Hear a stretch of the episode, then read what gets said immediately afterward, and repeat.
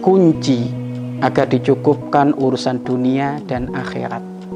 Barang siapa yang memperhatikan urusan akhiratnya dengan sungguh-sungguh, maka Allah akan mencukupi untuk dia urusan dunia dan akhiratnya.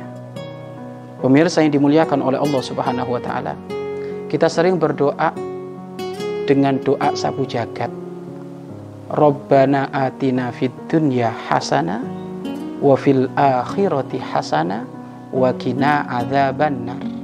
Rabbana wahai Tuhan kami atina berikan kepada kami fid dunya di dalam urusan dunia hasanah kebaikan kecukupan melimpah ruah wa fil akhirati hasanah dan juga urusan akhirat juga kecukupan melimpah ruah wakina adzaban nar dan jauhkan kami dari siksaan api nerakamu.